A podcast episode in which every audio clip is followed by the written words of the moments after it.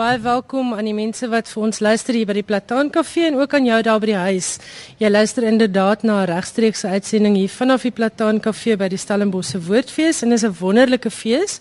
En hierdie jaar is Stellenbosch nie so warm nie. So as jy nog planne het of of dit oorweeg of jy moet kom of nie. Stellenbosch is hierdie jaar lekker soel. Kom maak beslis 'n draai.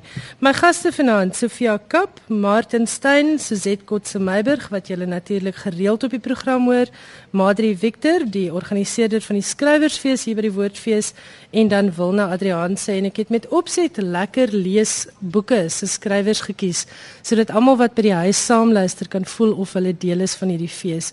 En ons skop af met Suzette Kotse Meiburg. Baie welkom. Dankie, Josse. En ek en jy is nooit in een ateljee nie, so is nou lekker om hier skuins oor die tafel met jou te sit en gesels. Omtrent.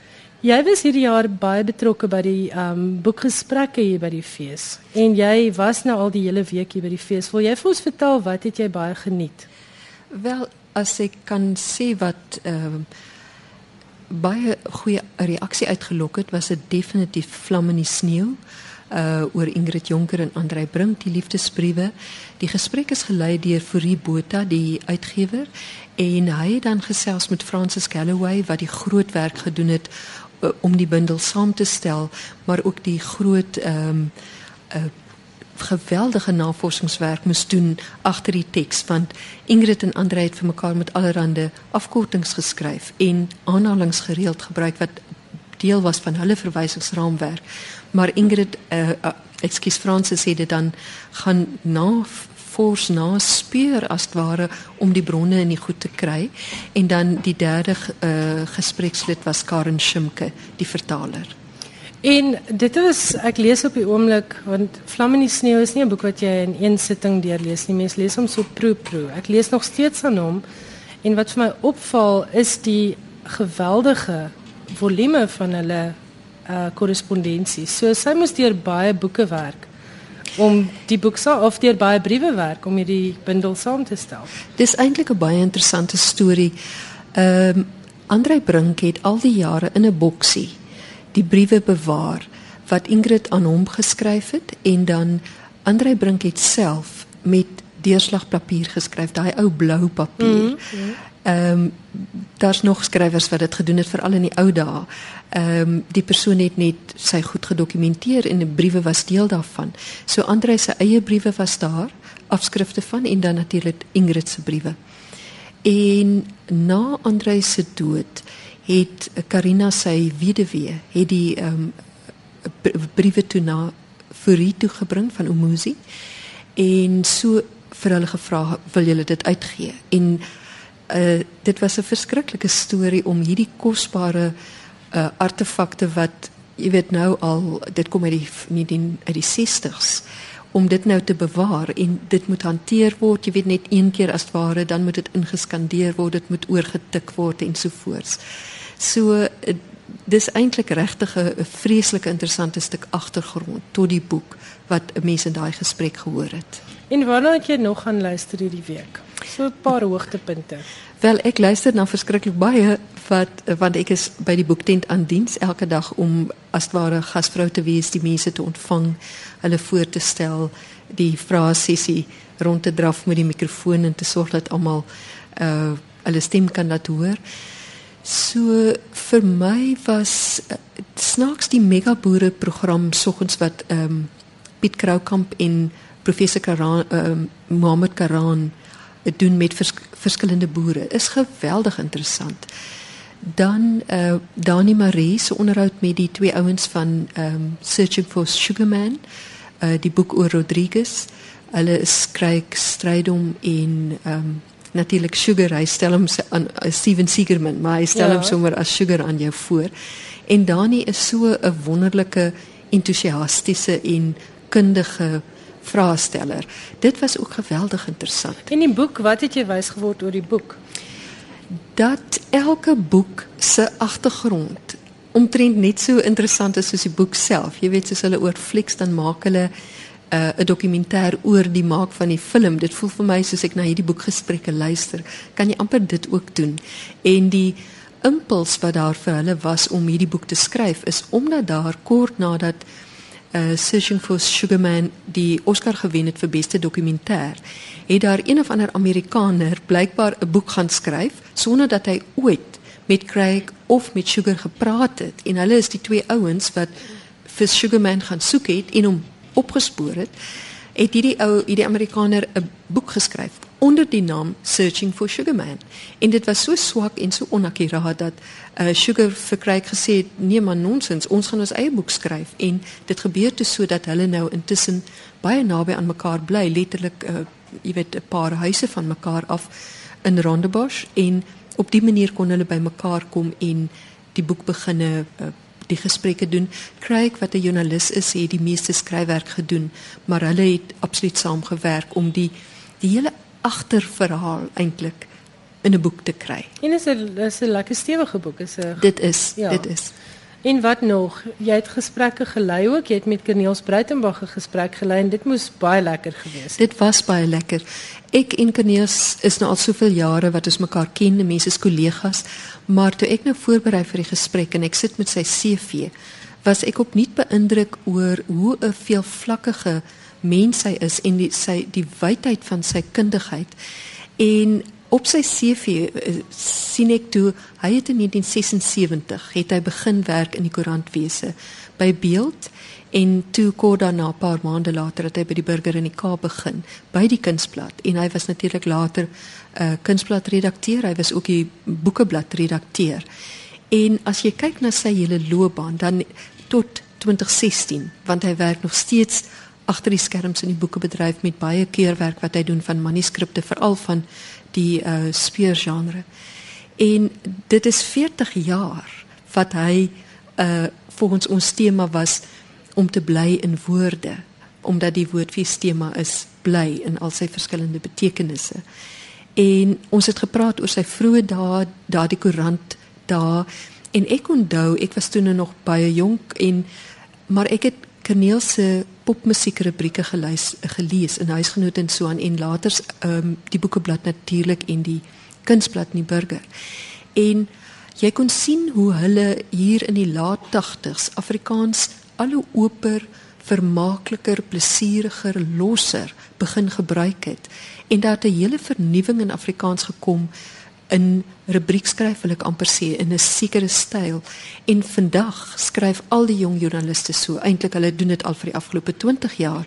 Maar dan besef 'n mens skielik dat hierdie mense heel moontlik nie weet dat daai tradisie nie bestaan het nie. Dit is deur mense soos Corneels Zirk van der Berg Andre Leroux is dit oopgemaak as ware in Afrikaans. Ja, want tot voor dit was dit taamlik formeel, né? Dit was baie styf en baie formeel. Die leser is tot nie te lank voor Corneels hulle nie nog aangespreek as u. ja. In tydskrifte. So 'n laaste ehm um, opmerking oor wat jy nou uitsien op die fees? Wel, die een wat ek môre definitief uh, met hart en siel gaan ehm um, voorsitter van wees of dan nou 'n uh, 'n tentbestuurder is Bettina Weingart se slaafs want ek het nou onlangs die gesprek met haar opgeneem vir skrywers en boeke wat jy nou binnekort gaan uitsaai. En sy sê vir my na die gesprek ooh sy hoop nie dis net sy en haar uitgewer by die bekendstelling nie. Toe sê ek Bettina moenie worry nie ek sal beslis daar wees. Ek sien ook uit na die boek oor ehm um, uh, van Alexander Strachan brandwater kom, kom ja. want dit het interessant genoeg vandag uh, ter sprake gekom in uh, Jackie Grobler se oorlogbeeld. En uh, jy weet skielik toe hulle nou praat van brandwater kom en dan skielik het dit my weer herinner aan daai hele stuk boereoorlog geskiedenis. Ek is nie eens seker of Alexander se boek daaroor gaan nie, maar dis nou maar net die assosiasie in my kop. Baie dankie. Dit was Suzette Kotse Meiburg. Sy is 'n gereelde bydraer vir skrywers en boeke. Baie dankie dat jy vir ons kom kuier hier op die verhoog. Ry veilig huis toe en volgende Woensdag aan, die 16de Maart, saai ek dan jou Bettina Weingart onderhoud uit. Baie dankie Suzette. Jy luister na RSG. Ek is Elsje Saltzveld. Dit is so 12 minute oor 8. Ek kondig mos nou nie gewoonlik die tyd aan nie, maar daai het julle dit. En my volgende gas is Sofia Kap. En haar aanhangers sal beslis weet dat sy 'n nuwe boek uit het. Welkom Sofia. Dankie Elte. En jou nuwe boek, ek sit nou nog vanaand hier met 'n bril op en ek kan sekere goed met hom sien en ander goed nie, maar jou nuwe boek se naam is Oorlewingsgids vir 'n bedonderde diva. Dis reg. Hoekom so titel? Ehm um, die titel is bedoel om so klein bietjie dubbelsinnig te wees. Dit is my ehm uh, enigste literêre pretensie in hierdie hele boek. die titel tweevlakkig is. Ehm um, sy sy is bedonderd want sy is kwaad, ehm um, maar sy is ook bedonder want sy is te nagekom. Ehm um, ja. so dit is nou daai daai klein bietjie speel met die woord is daar. Uh maar soos ek sê, dit was die laaste slimmigheid wat ek kan doen. Dit is die, die enigste foefie in die boek. Die res is die res is net storie. En dit gaan oor Simonay en haar seun SW en sy kom uit 'n egskeiding en sy moet haarself weer vind.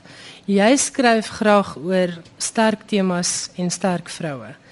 Waar gaan haal jy al hierdie materiaal? Want jy skryf oor uiteenlopende kwessies. Jy het al geskryf oor ehm um, jy het al geskryf in tuiskoms oor die gemeenskap. Ag, was dit die ooreenkoms of tuiskoms oor die gemeenskap wat so te nagekom word in die klein Karoo dorpie? Dis ja, dit was tuiskoms. En dinge soos gesinsgeweld en goed is gereeld duik gereeld op in jou romans. Jy skryf lekker sterk temas. Maar waar gaan haal jy hierdie heldinne en hulle eskapades en ervarings? Weet jy dis nie dit dit klink as jy dit so stel asof asof die temas ver gaan haal is.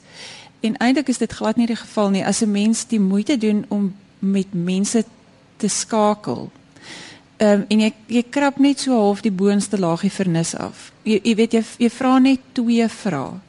Dan kom jy agter die meeste vroue, die meeste mense het iewers in hulle verlede 'n stuk seer.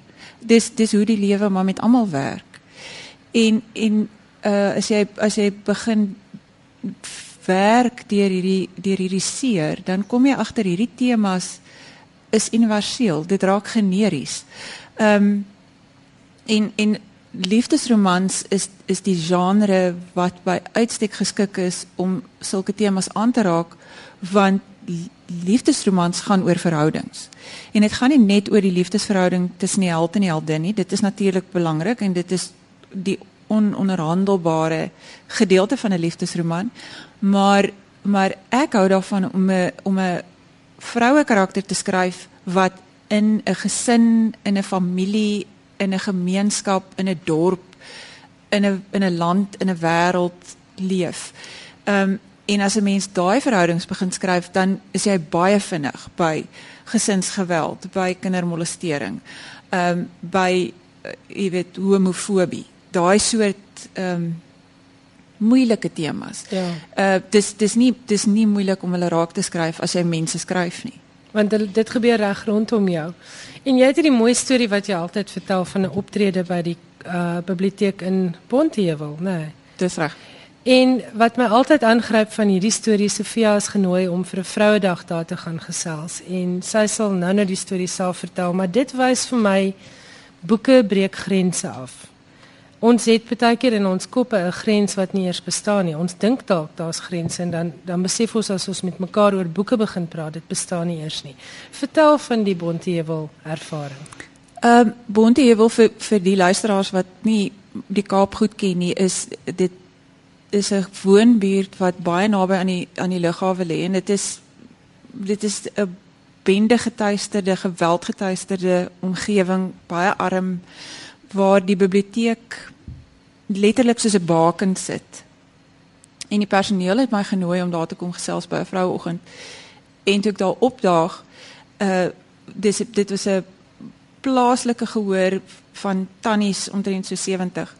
Ehm um, en ek het daar aangekom met my um, smart jas en, en my en my uitgewerkte toespraak oor die plek van Afrikaans en ek het hierdie situasie so gekyk en besef kyk hier is ek heeltemal met dit wat ek ook al hier aanbring is is nie ter sake nie. Ehm um, en wat vir my 'n openbaring was was dat hierdie vroue my boeke gelees het en die karakters ervaar het as susters. Hulle het hulle hulle het hulle regtig die feit dat hierdie meisies wit en bevoorreg was en teen die berg gebly het in 'n in 'n baie mooi en duur huis en 'n miljonair se erfgename was, het niks beteken nie. Vir hierdie klomp arm vroue was was dit susters en en die dit wat ons gesien het as 'n kulturele skeiding en uh, soos wat jy nou gesê het 'n grens is eintlik glad nie 'n grens nie want ons is almal vroue. En ons is almal eintlik in wese susters. En en die dilemma's waarmee ons spook en ehm um, regtig spook is is dieselfde want soos jy nou reg gesê het ehm um, huishoudelike geweld is byvoorbeeld nie iets wat wat geld jou van kan vrywaar nie. Jy jy as as jy daar 'n slagoffer is of jy nou geslaan word in Tamboerskloof of jy nou geslaan word in Bonteheuwel, die vrou wat daar bly lê is is op presies dieselfde manier verpletter. Ehm um, en so gesels ek toe nou die oggend met die tannies in op 'n stadium sê jy weet die die toespraak wat ek daar afsteek is die gewone preek wat ek vir lesers afsteek van jy hoef jou nie te skaam vir hierdie genre nie. Jy mag maar liefdesverhale lees. En ek sien hulle sit my so ordentlik en aankyk maar ek maak nie kontak hier nie. En toe dit nou vraatyd is toe kom ek agter dis glad nie 'n toepaslike ding om vir hulle te sê nie want in Bonteheuwel is dit 'n kompliment om te kan sê dis 'n statussimbool om te kan sê jy het hierdie boek gelees want dit beteken jy kan lees. Ja, want die mense kom uit dekades van swaar kry. Ja, en dit is dit is 'n ouer generasie wat nie formele skoolopleiding altyd gehad het nie. En een tannie staan op na die tyd en sy sy sê vir my so skamerig. Sy kon nou nie my boeke lees nie want sy kan nie lees nie, maar sy het haar 12-jarige dogter hierdie boek gelees die boek, die drie boeke die die, die eerstes. Ja, want dit is nou die erflating en watter drie boeke die, was dit? Dit was die erflating is die eerste een en dan die tweede een is in die Valente en die derde een is waar die hart is. Ja. En dit was nog dit was nog in my makjare. Ja, sy sy het vanoggend in 'n gesprek gesê sy het nou heeltemal wild geraak. Maar dis nie heeltemal waar nie, maar ja, is, jy het Ek is aan ek is aan die wild raak. Jy het 'n bietjie van rad verander. Kom ons stel dit so. Ehm um, Maar in elk geval ek sy sê toe nou vir my die 12-jarige dogter het die boeke vir haar voorgeles en ek sit daar en ek dink 12 en uh, dit my sosiale verantwoordelikheid en so aan. Uh, maar sy maak toe die opmerking dit was vir hulle 'n deurbraak want hulle het toe die geleentheid om vir die eerste keer te gesels oor hoe lyk 'n gesonde verhouding? Hoe lyk 'n held? Wanneer sê jy nee? Wanneer is dit verkrachting? Hoekom is verkrachting jou skuld? Hoekom is verkrachting nie jou skuld nie? Ehm um, hoekom is jy weet daai gesprekke wat wat 'n mens eintlik as normaal en maklik of of noodsaaklik moet beskou as 'n ma en dogter is nie altyd so maklik nie. Dis noodsaaklik dat dit moet gebeur, maar dis nie altyd maklik om met 'n tiener daai opening te kry nie. En ek het daar gesit en gedink, weet jy, as ek vir een ma en een dogter die geleentheid kon skep om om hierdie noodsaaklike lewensnoodsaaklike gesprek te hê dan het ek 'n verskil gemaak en dan dan is dit vir my goed genoeg.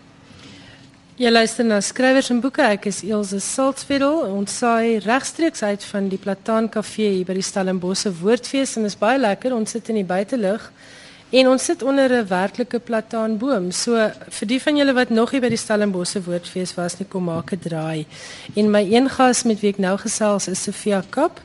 Kom ons kom terug na oorlewingsgids vir 'n bedonderde diva. Jy het 'n wonderlike mengsel van drie skryfstyle, wil ek dit amper noem, drie uh ja, invalshoeke dalk, want jy skryf die fiksie deel, die liefdesverhaal deel, dan het jy 'n dagboek deel en dan is daar hierdie oorlewingsgids soos 'n selfhelpboek, soos doen dit moenie dat doen nie. En 'n diva doen dit en 'n diva flik vlot. Dink ek het jy erns geskryf. Onder andere ja. Dis die boek gaan dan sy sê altyd sy flik vreeslik in die boek maar sy doen nie haar een karakter doen. Um Sofia is nog net dieselfde. Vertel 'n bietjie uh dis heeltemal anders as enige van jou vorige romans. En vir jou vorige romans is jy al bekroon met ATKV woordfeertjies. Waar het hierdie idee om hierdie drie verskillende boeke in een boek te sit vandaan gekom? Eintlik ehm um, die dagboek gedeelte is was 'n 'n verneekspel om die sogenaamde backstory in die in die boek in te kry. Ehm um, dit is dit is 'n eienskap van hierdie genre dat 'n mens nie terugflitsse gebruik nie. Dit is dit is nou maar so. Dit is nie 'n voorskrif nie, maar dit is dit is lastig. Dit okay. dit pla die leser. En en die dagboek was my manier om by die keerder verby te kom. En, en sy is moeilik. Ja, dis dis sy is sy is die kritiesste leser denkbaar. Ehm um, en ek het ek het geweet as ek as ek probeer met terugflitse werk gaan sy my nie toelaat nie, dan gaan ek dit moet oorskryf. Toe ek die dagboek daarin gebring, ehm um, en dit was nogal 'n lekker manier om van 'n derde persoon verteller af na 'n eerste persoon verteller te mag oorskakel want dit mag jy ook nie in 'n liefdesroman doen nie. So ek ek het so bietjie daar dis 'n dis 'n verneekspel soos wat ek gesê het. Die diva gids ehm um, wil ek ek gaan nie nou sê waar dit vandaan kom of wie dit skryf of hoe dit in die storie inpas nie want dit dit is vir ja, dan lesers die van die weg, boek ja. beskore, hulle mag dit weet. Ehm um, maar dit dit is 'n manier om vir lesers van die boek wat wat ek vermoed gaan uh, vroue wees wat so al so bietjie deur die meule is en so 'n paar klappe van die lewe gekry het. Ehm um, dit is 'n manier om vir hulle te sê, weet jy wat, uh dit maak nie saak waar jy nou is nie of of jy nou op die kruin van jou golf is en of jy nou onder in die put sit. Ehm um, daar's lig en en jy is 'n diva en jy gaan opstaan en uh jy jy gaan jou pad weer kry. En maar hier so lank bakens, jy weet. Ehm um, dit was ook 'n manier om vir my om so 'n bietjie van 'n preek af te steek vir vroue wat moed verloor het. Om te sê, jy weet, moenie net moenie net in vandag vaskyk nie. Ehm uh, jy jy gaan opstaan en oor 'n jaar gaan jy terugkyk en dan gaan jy weet weet jy wat ek ek kon toe nou maar hierdie berg klim. Jy weet, ek en ek kon dit eintlik ek het dit ek het dit oorleef. Ek het dit gemaak. Ehm um, so ja, die die dit dit was altyd die die skrywes wat nou nie die storie is nie. Was 'n manier vir my om om om my keerder te vnuik en dit het nou gewerk. En die prettige preek waarna Sofia Kap verwys het is oorlewingsgids vir 'n bedonderde diva. Dit het hierdie week verskyn. Ek dink die boek is nog so al warm van die drukkers af. Sofia, baie dankie dat jy vanaand jou tyd vir skrywers en boeke gegee het. Ek hoop die boek vlieg van die rakke af. Dankie Ilse. Dit is 25 oor 8. Ek is Elsje Saltzveld. Jy is ingeskakel op RSG en jy luister natuurlik na ons tussen 100 en 104 FM. Partykeer raak die sein so 'n bietjie weg en dis nie ons skuld nie, maar dan kan jy oorskakel na DStv audio kanaal 913 want ons is deesdae ook daar te hore of jy kan saamluister op rsg.co.za. My volgende gas in skrywers en boeke hier van die Stellenbosse Woordfees af is 'n vrou wat direk te doen het met baie van die dinge waaroor ons vanaand praat. Madri Victor, die organiseerder van die Skrywersfees. Dis die boeke deel van die Woordfees. Baie welkom. Dankie Elsa.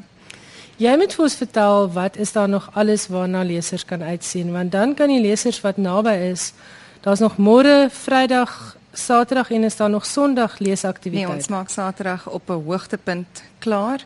Ons maak elke jaar met die Digtersparadys klaar. So ons heel laaste gesprek is eintlik nie meer 'n gesprek nie, maar 'n voorlesing. En hierdie jaar het ons Ronelda Kamfer, Lena Spies en Jan Hambidge wat voorlees. So dis dit is 'n hoogtepunt. Hulle lees net hulle gedigte voor. Ehm um, die saal is gewoonlik vol en gepak. So uh, mense moet maar vroegtydig kaartjies koop vir daai ene. Waarvoor is daar nog plek beskikbaar? Want ek sien die fees is besig en ek sien die boeketent is lekker vol. Ja, al, alles is besig. Alles is vol. Baie van die gesprekke is uitverkoop. Die fees het ongelooflike lekker atmosfeer hier.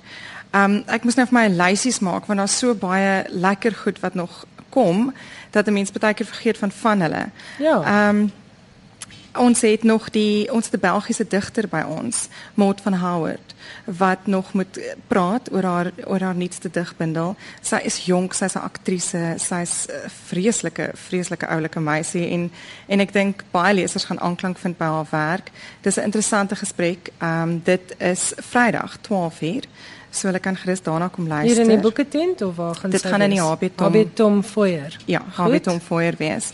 Ehm um, iets waarna ek baie uitsien is ehm um, Ingrid Winterbag en Mandla Langan. Man Mandla, Mandla Langan. Ja, nou maak ek jou vas.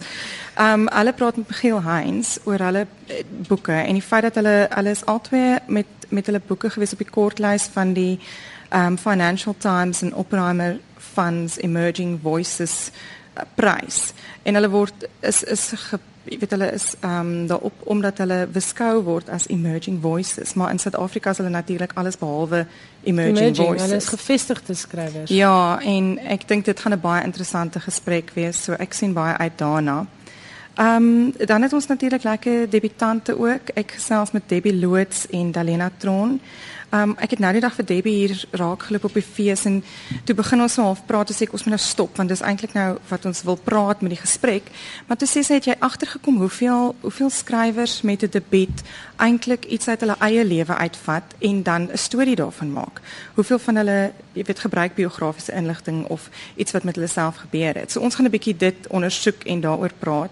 Want dis die disfunksionele huisgesin. Ja, en ek wat my interesseer of wat my wat waaroor ek wonder is hoe kry mense afstand en hoe maak 'n mens storie daarvan as jy jou eie lewe gebruik of iets uit jou eie lewe uit? Jy weet, hoe skryf jy eerlik en hoe maak jy dit fiksie dat dat dit nou nie te veel klink soos jou eie storie nie? En ja en ek dink elke skrywer skryf op 'n manier vir alle eerste roman 'n klein bietjie autobiografies. Ja ja. Ehm um, so ek wonder daaroor. Ek wonder wat hulle familie sê of jy weet iemand hulle bel en sê hoe durf jy my inskryf in jou boek? Of hulle onterf word. Ek ja. wonder altyd oor onterwing. Ja. Um, so dit gaan ek alles vir hulle vra. Ja asseblief. En dan laat weet jy my want ek sal ongelukkig saterdag nie meer hier nie want dit is saterdag nê ehm um, ja dit is saterdagoggend 9uur Lekker vroeg. En Mense met koffie bring is baie lekker romans. Dit was uh, huisies van papier van Dalena Tron was baie dikwels tongenetjies ja, en, en snaaks. En snaaks en Split was ook plek plek baie snaaks en ander plekke tragies. Ja, ja.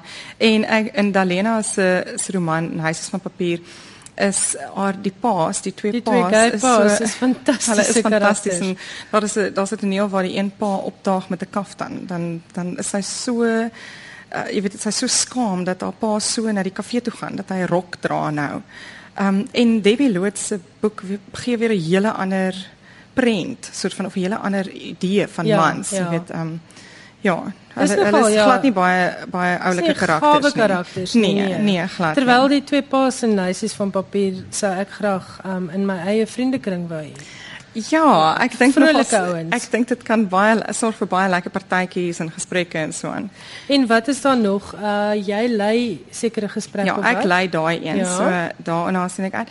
Ehm um, ek sien baie uit na Anel Heidenrich. Ek moet alles stadig sê vanaand lyk like dit vir my. Dit is omdat ek al opgefees is. Dis moegheid mense. Ja. Ek wens julle kan sien hoe lyk like Madri. Sy is waarskynlik 'n Red Bull of twee agter. Nee, Ilse my, jy moenie sulke goed op die lig sien nie. Moet sê ek lyk like pragtig nog. O ja, Madri lyk pragtig sy het glad nie Red Bull nodig nie. Dankie.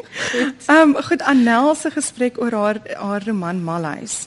Dis 'n gratis gesprek Saterdagmiddag 1uur ook in die Habitom. Ehm um, en sy is 'n joernalis, nee. Sy is 'n joernalis ja. en ek dink dit is 'n bietjie van 'n gewaagde boek. Ek het hom nog nie gelees nie. Ehm um, hy het nou nou pas verskyn, so hy is nog warm van die drukkers af. Ehm um, ek ek dink dit gaan interessant wees. Dit dit ek wil baie graag daarin gaan luister self. En omdat dit 'n gratis gesprek is oor middagete, dink ek regtig die mense moet net opdaag. Ja, hulle kan maar ja. net opdaag. Suzette het die boek gelees en het Ja, sy lei ja, ook die gesprek. Sy lei die gesprek, ja. ja. Ja, jy moes eintlik nou vir haar gevra het. Ek het vergeet van van ehm um, Malais, maar Anel is 'n goeie joernalis, so ek dink tog is ja. moeite werd om op te daag en te kom luister na ja, jou gesprek. Die, die uitgewer het my baie opgewonde gebel oor hierdie boek en gesê is daar is daar iewers nog 'n gaatjie want hierdie een gaan interessant wees en hy gaan mense gaan daaroor praat. Dit gaan 'n opspraakwekkende boek wees. Goed, ek het hom nog nie gelees nie, maar nou sien ek ook uit na hom. Wat is daar nog vir ernstige letterkunde liefhebbers op die program. Want daar's heelwat lekker ligter goeters en dan is jy het 'n hmm. lekker balans. Ons probeer baie hard om 'n om 'n goeie gebalanseerde program te gee, as jy weet, saam te stel sodat mense wat uh letterkunde geniet, dit kan lees en mense wat jy weet uh, vir ontspanningsfiksie hou, weer ook na gesprekke kan kom luister. Ons het ook iets uit elke genre uit. Um Alexander Strachan met Brandwater kom. Hy was natuurlik die derde prys in NB se groot roman wedstryd, ja. die manuskrip. Uh, um, ek dink dit gaan 'n dit gaan 'n uh, jy weet dis 'n gesprek waarna mense moet kom luister. En dan um Ingrid Winterbag praat nog môre oor vlakwater.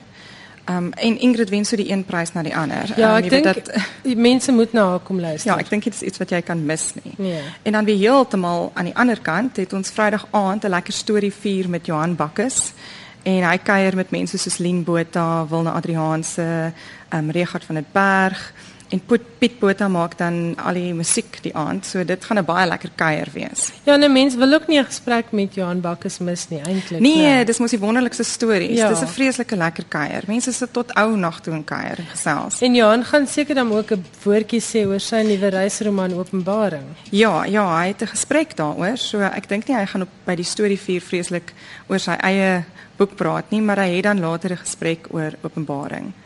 Ek het ek het die boek gesien want hy is ook Hy is nou ook vuurwarm van die drukkers af, ja. Ja, pragtige omslag. Ek ek sien baie uit daarna om dit te lees. En ek sien uit daarna om te sien hoekom maak hoekom noem hulle hierdie boek 'n reisroman as dit wel oor ware reise gaan in teenstelling met sy ander boeke wat net sketse oor sy reise was. ja, ek hoop dit so ek kom wil sien wat is die verskil hierso. Ja, ek hoop daai in word gevra in in die vrae sessie of jy weet in sy gesprek. Dit sal interessant wees. Ek het een laaste vraag. Hoe stel 'n mens 'n skrywersfeesprogram saam? Hoe neem jy almal se smake en voorkeure en afkeure? Uh, want daar is mos nou party wat so lank sien neus afstaar na die ontspanningsletterkunde. Um, letterkunde. Hoe neem jy al daai goed in ag? Hoeveel tyd het ons? nee, jou tyd is op, Madri. 2 minute. Ehm um, weet jy ons ons praat ek praat baie vroeg al as hierdie fees klaar maak begin ek al klaar praat met uitgewers oor wat voorlê vir die jaar en watter boeke hulle het. Ehm um, en dan mense stuur ook aansoeke in en dan begin ons maar kyk na wat gebeur in die in die pers, jy weet wat watter boeke kry goeie resensies of swak resensies of waaroor word daar gepraat. En op die ouend gaan sit en tel ek letterlik hoeveel boeke van elke genre is voorgelê. En dan probeer ek iets van elkeen van elke genre kies en ek probeer dat dit eh, gebalanseerd is want ons ons feesgangers lees wyd. Ehm um, jy weet mense moet hulle nie onderskat nie. Hulle lees regtig van Ingrid Winterbach dwarsdeur, jy weet hulle kom na gesprekke toe oor Penny Boekwurm en immer Ja. ja. immer gewilde kinderkarakters, jy weet en ons het kos demonstrasies en seker goed so hulle hulle lees baie wyd en ek wil graag vir hulle iets van alles bied op die fees. 'n Mens kan oor soveel goed praat. Daar is so baie boeke elke jaar wat ek graag die fees wil hê, maar wat jy weet net nie in die regte tyd gepubliseer is nie of 'n bietjie deurval of so. ja, Daar's dan is daar net 7 dae om om alles Ja, in te pas. nee. ja. Madri baie baie dankie vir 'n baie lekker uh, fees. Baie gebalanseerd, regtig iets vir almal. Daar is nog kaartjies vir al die goed waaroor sy gepraat het. Kaartjies is by CompuTicket en hier op Stellenbosch kan jy op die feesterrein by Erfurthuis ook kaartjies Ja, koop. dit is reg. Goed, dit was Madri Victor, organiseerder van die Boekefees. Nee, ek sê dit altyd verkeerd, die Skrywersfees by die Stellenbosse Woordfees. Madri, dankie vir jou tyd. Dankie Elsje. My volgende gas hier op Skrywers en Boeke wat vanaand regstreeks uit Stellenbosch uitgesaai word is Martin Stein. Nou Martin het 'n baie vinnige aanhang verwerf binne, ek dink dit was 'n kwessie van 'n jaar of dalk minder met twee uh, misdaadfiksie romans Skuldig en Donker Spoor. Dit was letterlik 'n paar maande uitmekaar en skielik het ons hierdie nuwe gewilde skrywer met hierdie reusagtige ek moet nou die Engelse woord gebruik want die Afrikaanse een ontglip my nou following. En ek wil dis die eerste keer wat ek en jy nou in dieselfde ruimte met mekaar praat op skrywers en boeke. Ek wil nou weet hoe het dit gebeur dat jy 'n misdaadfiksie skrywer geword het? Nou dit kom van my belangstelling in reeksmoordenaars af. Toe ek begin het om oor hulle te lees, het ek al hoe meer ook begin dink, uh, want eers was dit net 'n belangstelling, maar ek het net begin lus raak om en idees kry om stories oor hulle te skryf. So want oorspronklik het ek meer belang gestel in gruwelverhale. Stephen King bedoel jy nou? Stephen Daai is dit goed. Spesifiek. Ja. Wat my ek ek kan dit nie lees nie want dan kan ek regtig nie slaap nie. Ja, spesifiek het ek met hom begin en toe die ding van reeksmoordenaars omdat hulle regtig bestaan, is dit eintlik erger as die bonatuurlike goed wat hy uitdink. En ehm um, so dit my meer my begin prikkel en ek het meer daar ge, geleer en opgelees en toe ek stories daar begin skryf. En ook die die polisie ondersoek interesseer my baie. Met ander woorde as jy sê jy het stories begin skryf oor reeksmoordenaars, bedoel jy soos verhale of artikels? Ek het ehm um, terwyl ek besig was met die navorsing want ek wou oor Suid-Afrikaanse reeksmoordenaars ook uh lees. En daar's nie baie inligting daar beskikbaar wat saamgevoeg is soos boeke en so nie. Dis dis gewoonlik jy moet dit self gaan soek in koerantartikels. En ehm um, ek het afgekom op hierdie webwerf die Crime Library wat baie Amerikaanse stories gehad het, maar daar was niks Suid-Afrikaanse stories nie. En toe omdat ek in afval besig was om die navorsing te doen, het ek hulle gekontak en gevra of hulle sal belangstel in artikels oor van ons reeks moenaars want ons was baie produktief wat Ja, reeksmoorders ons is nogal besig hoor. Besig, Ja. besig, besig met reeksmoorde in hierdie land. Ja. So dit ek ek het 7 in totaal geskryf, maar dit was nie alles oor reeksmoordenaars dit was ander moorde en so ook. Ehm um, maar ongelukkig hulle het iemand ander groep het hulle oorgekoop en nie so belang gestel in die die webwerf deel nie. Hulle het die meer belang gestel in die res van die maatskappy en dit het nou intussen ongelukkig tot niet gegaan. Maar jy het nou van van nie fiksie oorbeweeg na fiksie, na verhale met speurders en regte egte driedimensionele moordenaars en jou boeke is uitstekend. Ek moet vir jou sê dit was vir my heerlike lekkerte om jou boeke te ontdek. Baie dankie. Maar hoe maak 'n mens daai oorgang van nie fiksie en van 'n belangstelling 'n storie maak? Wel ek het eintlik oorspronklik fiksie geskryf, want ek het die gruwel kortverhale geskryf op skool en toe het ek nou die artikels geskryf. Ehm um, maar ek ek benader ek benader my fiksie af uit 'n ware misdaad fiksie hoek. Ehm um, so dit is 'n al 'n fiktiewe weergawe van goed wat regtig gebeur. Ehm um, so en en ek hou van ek hou van police procedurals, ek hou van al die prosedures. So daar's baie nie fiksie eintlik soort van in dit wat net fiktief aangebied word. Maar aan die ander kant kan jy nou ingaan in die speurders se lewens in en ook daai deel ontgin wat nie, nie wat nie altyd in die in die ware misdaad uitkom nie. Hmm. En hoekom dink jy want Wilna Adrianse is my volgende gas net na Martin en en Wilna ek gaan vir jou dieselfde vraag vra. Hoekom het ons hierdie ongelooflike opbloei in misdaadfiksie in Afrikaans? Hoekom lees ons dit so graag? Ons woon in een van die gewelddadigste lande volgens al die um indekse en die grand statistiek en so, maar ons lees misdaadstatistiek laat ag misdaadfiksie dat dit klap. Waar kom hierdie liefde vandaan dink jy? Ek dink aan die een kant hou hou mense wat wat vir ontspanning lees, hou van 'n puzzle wat jy kry in 'n misdaadstorie. Hulle hou daarvan om te probeer self uitvind wie is die moordenaar. Ehm um, party mense hou van die die meer donker taboe onderwerpe wat baie keer te sprake kom. En van Suid-Afrika waar misdadigers nie altyd gevang en gefonnis en ordentlik gestraf word nie, is dit iets wat geneig is om in die boeke te gebeur. So dis so halwe lekker. Ja, ja, jy kry so 'n regstelling van die orde en Ja. geregtigheid CV daarom aan die einde. Is jy besig met 'n volgende boek? Ek is soort van besig met 'n volgende. Hy is by die uitgewer tans. Ek wag um vir die verslag sodat ek weer daar dan gaan werk. So ek is so by die einde rond. En is skryf vir jou 'n maklike ding? Sê hy hy hy sit hier en hy frons verskriklik. Um en ek weet dit is 'n onregverdige vraag, maar jy skryf voltyds. Dis hoekom Ja. ek dit vir jou vra.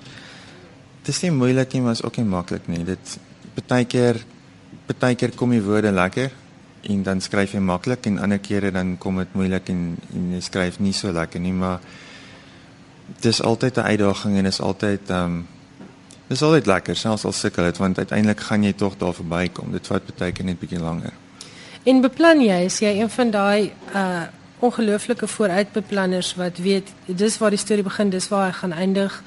Dis wat die speurder gaan doen of is dit 'n organiese skepingsproses wat ontwikkel soos wat jy skryf? Nee, dis dis baie organies. Ek ehm um, ek sal gewoonlik die moordenaar redelik uitwerk sy sy profiel en sy sielkunde en die slagoffers en die, die victimologie en so doen. Ehm um, maar dan sal ek begin by die eerste toneel waar die speurders kom en dit beskryf. So of is soos in Donkerspoor was dit nou 'n plek waar hulle die liggaam in die veld gekry het en in in skuldig was dit in die die slagoffer se huis en dan sit ek die speurders daar neer en dat hulle kyk wat hulle sien en dan volg ons die leidrade van daar af en So van daar af gebeur die goed so half um in jou boek soos wat dit in die storie ontwikkel en nie noodwendig volgens jou beplanning nie. ja, ek ek het obviously 'n vaar idee want jy moet dan 'n 'n 'n pad hê 'n rigting hê waarna jy gaan beweeg, maar dit word nie duidelik beplan en, en uitgewerk nie. Nee. Baie dankie. Dit was Martin Stein, skrywer van Skuldig en Donker Spoor en hopelik hierdie jaar nog vroeg voordat dit uh, winter heeltemal verby is want ons kort lekker leesboeke vir die winter. Het ons hopelik 'n Martin Stein die derde boek in ons hande. Dankie vir jou tyd, Martin. Baie dankie. En as luisteraars nou wonder oor die honde wat so geblaf het, ons wonder self want ons sit hier op die feesterrein by die Stellenbosse Woordfees. Dit is nie ons is darm nog nie in gevaar nie. Ons is nie weggesleep deur die honde nie. Wilna Adrianse is my laaste gas in Finanse skrywers en boeke wat hier van die Stellenbosse Woordfees se Plataan Kafee af uitgesaai word. Wilna baie welkom. Dit is vir my baie lekker om met jou van aangesig tot aangesig te praat want ek en jy het ook nog net telefonies gepraat omdat jy hier in die Kaap bly. Ja, dankie. Uh, Ilse, het is altijd lekker om met jou te gesels oor boeke. En die groot vraag, ek moet dit nou vra dan sit uit die pad, wanneer kom Dubbelspel se opvolger? Ek is baie bly om te sê dat Dubbelspel se opvolg wat eindspel heet, is in die finale pylvak. Ehm um, jy weet hoe die lewe loop, jy beplan sekere dinge en dan skielik op 'n dag sê iemand vir jou jy moet 'n skoueroperasie kry en jy moet vir 6 weke moet jy jou een arm nie beweeg nie. So ek en Ellie het so bietjie vasgeval met 'n skoueroperasie. Maar ehm um, ons is nou fliks weer aan die gang en ja, ons is nou so eintlik by die einde. Ek en jy het vandag op 'n stadium oor 'n koppie koffie daaroor gepraat. Hierdie ding wat met skrywers gebeur, ehm um, waar jou kop onverwags na 'n ander plek toe geneem word as jy skryf werk deur iets soos 'n operasie want dis nou nie net fisieke pyn nie jy moet daarna as dit ware weer uh terugrad om te kom by die by die skryf ehm um, sone kan 'n mens seker maar sê is dit vir jou moeilik om terug te kom en weer voor daai rekenaar te gaan sit en weer te skryf of hou die storie aanbroei Ehm um, aan die een kant hou die storie aanbroei maar aan die ander kant het ek ook gevind dat soos in hierdie geval wat ek ehm um, regtig nie kon werk nie. Ehm um, het dit tog eers tot stilstand gekom. Want gewoonlik wat gebeur is as ek met 'n boek besig is, is dat ek elke dag skryf. En ek skryf baie lang ure. So elke dag dra oor na die volgende dag. Ek self is nuuskierig om te sien wat môre gaan gebeur met die storie. Ehm um, En toe dit nou skielik tot 'n stilstand kom, toe is dit amper soos 'n ligleegte wat net eers hang. So ek het eintlik teruggegaan toe of toe ek weer kan begin werk, moes ek teruggaan na die begin toe. En ek moes net weer vir myself gaan vertroud maak met waar het ek eintlik nou al beland in die storie en wat het nou al gebeur? Ehm um, maar toe dit nou eers weer begin, toe die storie weer met my begin praat. Ehm um, toe was dit nou vir my baie lekker geweest.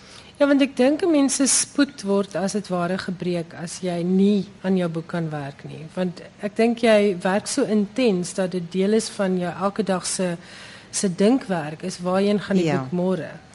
Ja, en dan kom pyn ook nog tussenin, hè? As jy as jy besig is, is dit eintlik een van daai daai snaakse dinge van jy sit in geselskappe en jy hoor die mense om jou praat, maar jy is eintlik glad nie daar nie want jy's met jou storie besig. Ehm um, want dit is 'n energie wat jou eintlik beet het of in jou intrek en dit los jou eintlik nie voor die storie nie klaar is nie.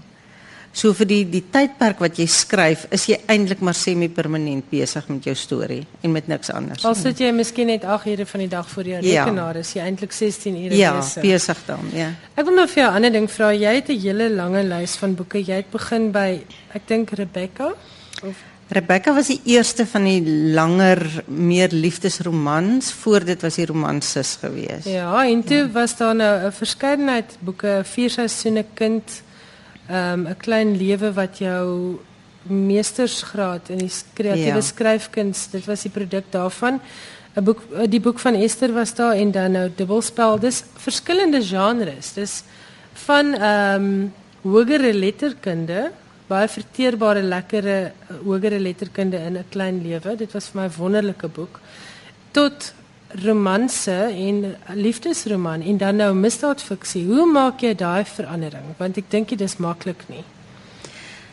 Ek het nog altyd gesê ek is baie bang vir die dag wat ek begin kloon. Um ek lees vandat ek baie klein is. En ek het gevind van my gunsteling skrywers deur die jare op 'n dag kom ek agter dit is asof hulle karakters um, begin kloon en hulle karakters in die volgende boeke is eintlik maar net so bietjie opgewarm weer en en gepolish vir die vir die volgende boek en ek is nogal bang daarvoor. So dit is vir my 'n uitdaging om te kyk of ek nie iets anders ook kan doen nie. en dit is vreeslik lekker as jy agterkom jou lesers is bereid om saam met jou te gaan. Want as 'n mens tog gewoond is aan een genre, ehm um, wil jy eintlik hê daai skrywer moet vir jou dit elke keer gee. Ehm um, maar dit ek is regtig veral met na die die sprong na dubbelspel toe en dit is 'n boek wat eintlik dit was 'n groot sprong hmm. en dit is 'n boek wat eintlik ook maar na my toe gekom het of die karakters het eintlik maar jy weet na my toe gekom. Ehm um, en hoeveel van die van die lesers was tog bereid om te sê ons sal die sprong saam met jou waag, ons gaan hom lees. So dit was vir my ehm um, ek was baie bly en dankbaar daaroor gewees. Jy raak nou aan 'n belangrike punt en ek dink nie ons gee onsself genoeg applous daarvoor nie, maar Engelse skrywers sê dikwels vir my, Suid-Afrikaanse Engelse skrywers, dat Afrikaanse lesers is van die mees loyale lesers wat daar is in hierdie land. Hulle sê altyd as hulle net die die ehm um, loyaliteit van Afrikaanse lesers kan hê, want hulle word nie naaste by so goed ondersteun deur Suid-Afrikaners soos wat Afrikaanse skrywers deur Afrikaanse lesers ondersteun word nie. Hoe ervaar jy jou lesers? Kry jy fanmail na roman of kry jy Facebook boodskappe of wat? Het jy aktiewe interaksie met jou lesers? Ja, dit um, in die beginjare was dit gewees via die uitgewer het hulle vir my briewe geskryf. Met vandag wat dit makliker is, daar's web 'n web, webwerf, jy weet waarop hulle kommentaar kan lewer of uh, via Facebook. Is dit baie meer direk en baie vinniger wat die kontak plaasvind. En dit is wat jy, ek stem 100% saam. Hulle is lojaal, hulle koop boeke. Ehm um, hulle woon praatjies by.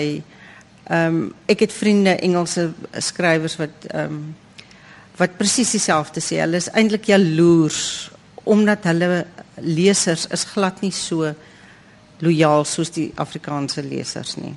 En ek sien hier by die Woordfees is 'n wonderlike boeketent, 'n uh, eh, ATKV uh boekverkopingstent wil ek dit nou amper noem. Ek is nie seker of dit die of dit net 'n ATKV boektent genoem word nie, maar daar is van al die uitgewers op die rakke en dit is alles Afrikaanse boeke en ek sien die mense stap met stapels boeke hier uit. En hulle stap nie net met die um wonderlike R50 spesiale aanbiedinge nie, want daar's heelwat daarvan ook hier te koop. Hulle stap ook uit met die R600 se boeke. Hulle is aktiewe ondersteuners van die taal. Het jy ooit kommer oor Afrikaans? Ja, ek dink dit is iets vir 'n mens mos as jy werk in Afrikaans, as dit die, jou medium is wat jy gebruik om jou produk eh, daar te buitekant uit te bring. Is jy maar bekommerd daaroor? Jy's bekommerd dat daar nie 'n volgende geslag gaan wees wat jou boeke gaan lees nie. Ehm um, so 'n mens is bekommerd, maar aan die ander kant sien ek tog ook hoeveel jonger mense kommentaar lewer. En dan is dit miskien 'n ma of 'n tannie of um, wat begin lees het en agtergekom het maar hulle dogter sal eintlik ook hiervan hou. So daar is tog 'n verskywing, jy weet, in die ouderdomsgrens wat nou die boeke begin lees. Ehm um, waaroor 'n mens baie dankbaar is. Jy weet dat dit, dit sal gebeur. En soos op die woordfees hierdie week, ehm um, as jy hier is en jy luister en jy sien wie werk en hoe aktief hulle werk, die uitvoerende kunste, die die skrywers, ehm um, die musiek wat in Afrikaans is, dan kan jy eintlik net sê, jy weet, ons is nog baie besig in Afrikaans. Ek dink nie hy gaan sommer môre net omval en En ons het 'n groot verskeidenheid om en te ons bied. het Daar's regtig Ja. lig en donker en letterkunde is- en lekker lees en alles. Dit is wat die lekkerte is dink ek nou, is dat ons die grense het ons nou oopgemaak. Ehm um, almal kan eintlik nou lees net wat hulle wil. Ja. Jy weet dit, ek dink vroeër jare is ons amper geforseer ons moes kies. Ehm um, en daar is bietjie op jou neergekyk, maar dis asof ons nou net vryer geword het en besluit het, jy weet wat die lewe is kort genoeg. Ons kan eintlik doen nou net wat ons wil en ons lees net wat ons wil. So daar is genoeg wonderlike letterkunde, daar is genoeg baie goeie ontspanningsfiksie. Ehm um, nie fiksie Daar's uitstekende uit- fiksie, daar's 'n groot opbloei in die nuwe ja. fiksiemark, né? Nee. En ek sien baie van die gesprekke hier is oor nuwe fiksieboeke en dis vir my wonderlik. Want ons het maar altyd oor see se nuwe fiksie en biografieë gelees. Nou nou het ons ons eie aanbod. Wil nou 'n laaste vraag, wanneer kan ons eindspel verwag? Eers vir die Kerskas of Ek moet net dit vra want ek weet die lesers gaan nou vir my skryf en sê maar jy het nie gesê wanneer kom die boek uit nie. Op hierdie stadium is ek nog nie seker wanneer die uitgewer hom op die lys gaan sit nie. Ek dink hulle wag nog so om min of meer die laaste knik van my af te kry. Goed, maar maar de, dis nog die definitief jaar. dit gaan hierdie jaar wees. Alles goed gaan. Dit was Wilna Adrianse en jy kan uitsien na dubbelspel se opvolg uitspel eindspel iewers in hierdie jaar. Net so voorsmaakie van volgende week dan is dit tyd vir Suzette Kotse Meiburg se onderhoud met Bettina Weingart oor haar nuwe boek Slaafs en dit is 'n boek wat 'n opvolg is op Vuilspel. Bettina se boek van so 2 jaar gelede as ek reg onthou. Onthou my e-posadres is skrywers en boeke by rsg.co.za. Ek sê baie dankie vir die manne hier by die buiteuitsending, Albert en Ricardo. En baie dankie ook vir die warm baadjie wat een van hulle vir my geleen het want Stellenbosch is heerlik koel hierdie jaar. So ek hoop om julle môre hier te sien. Totsiens.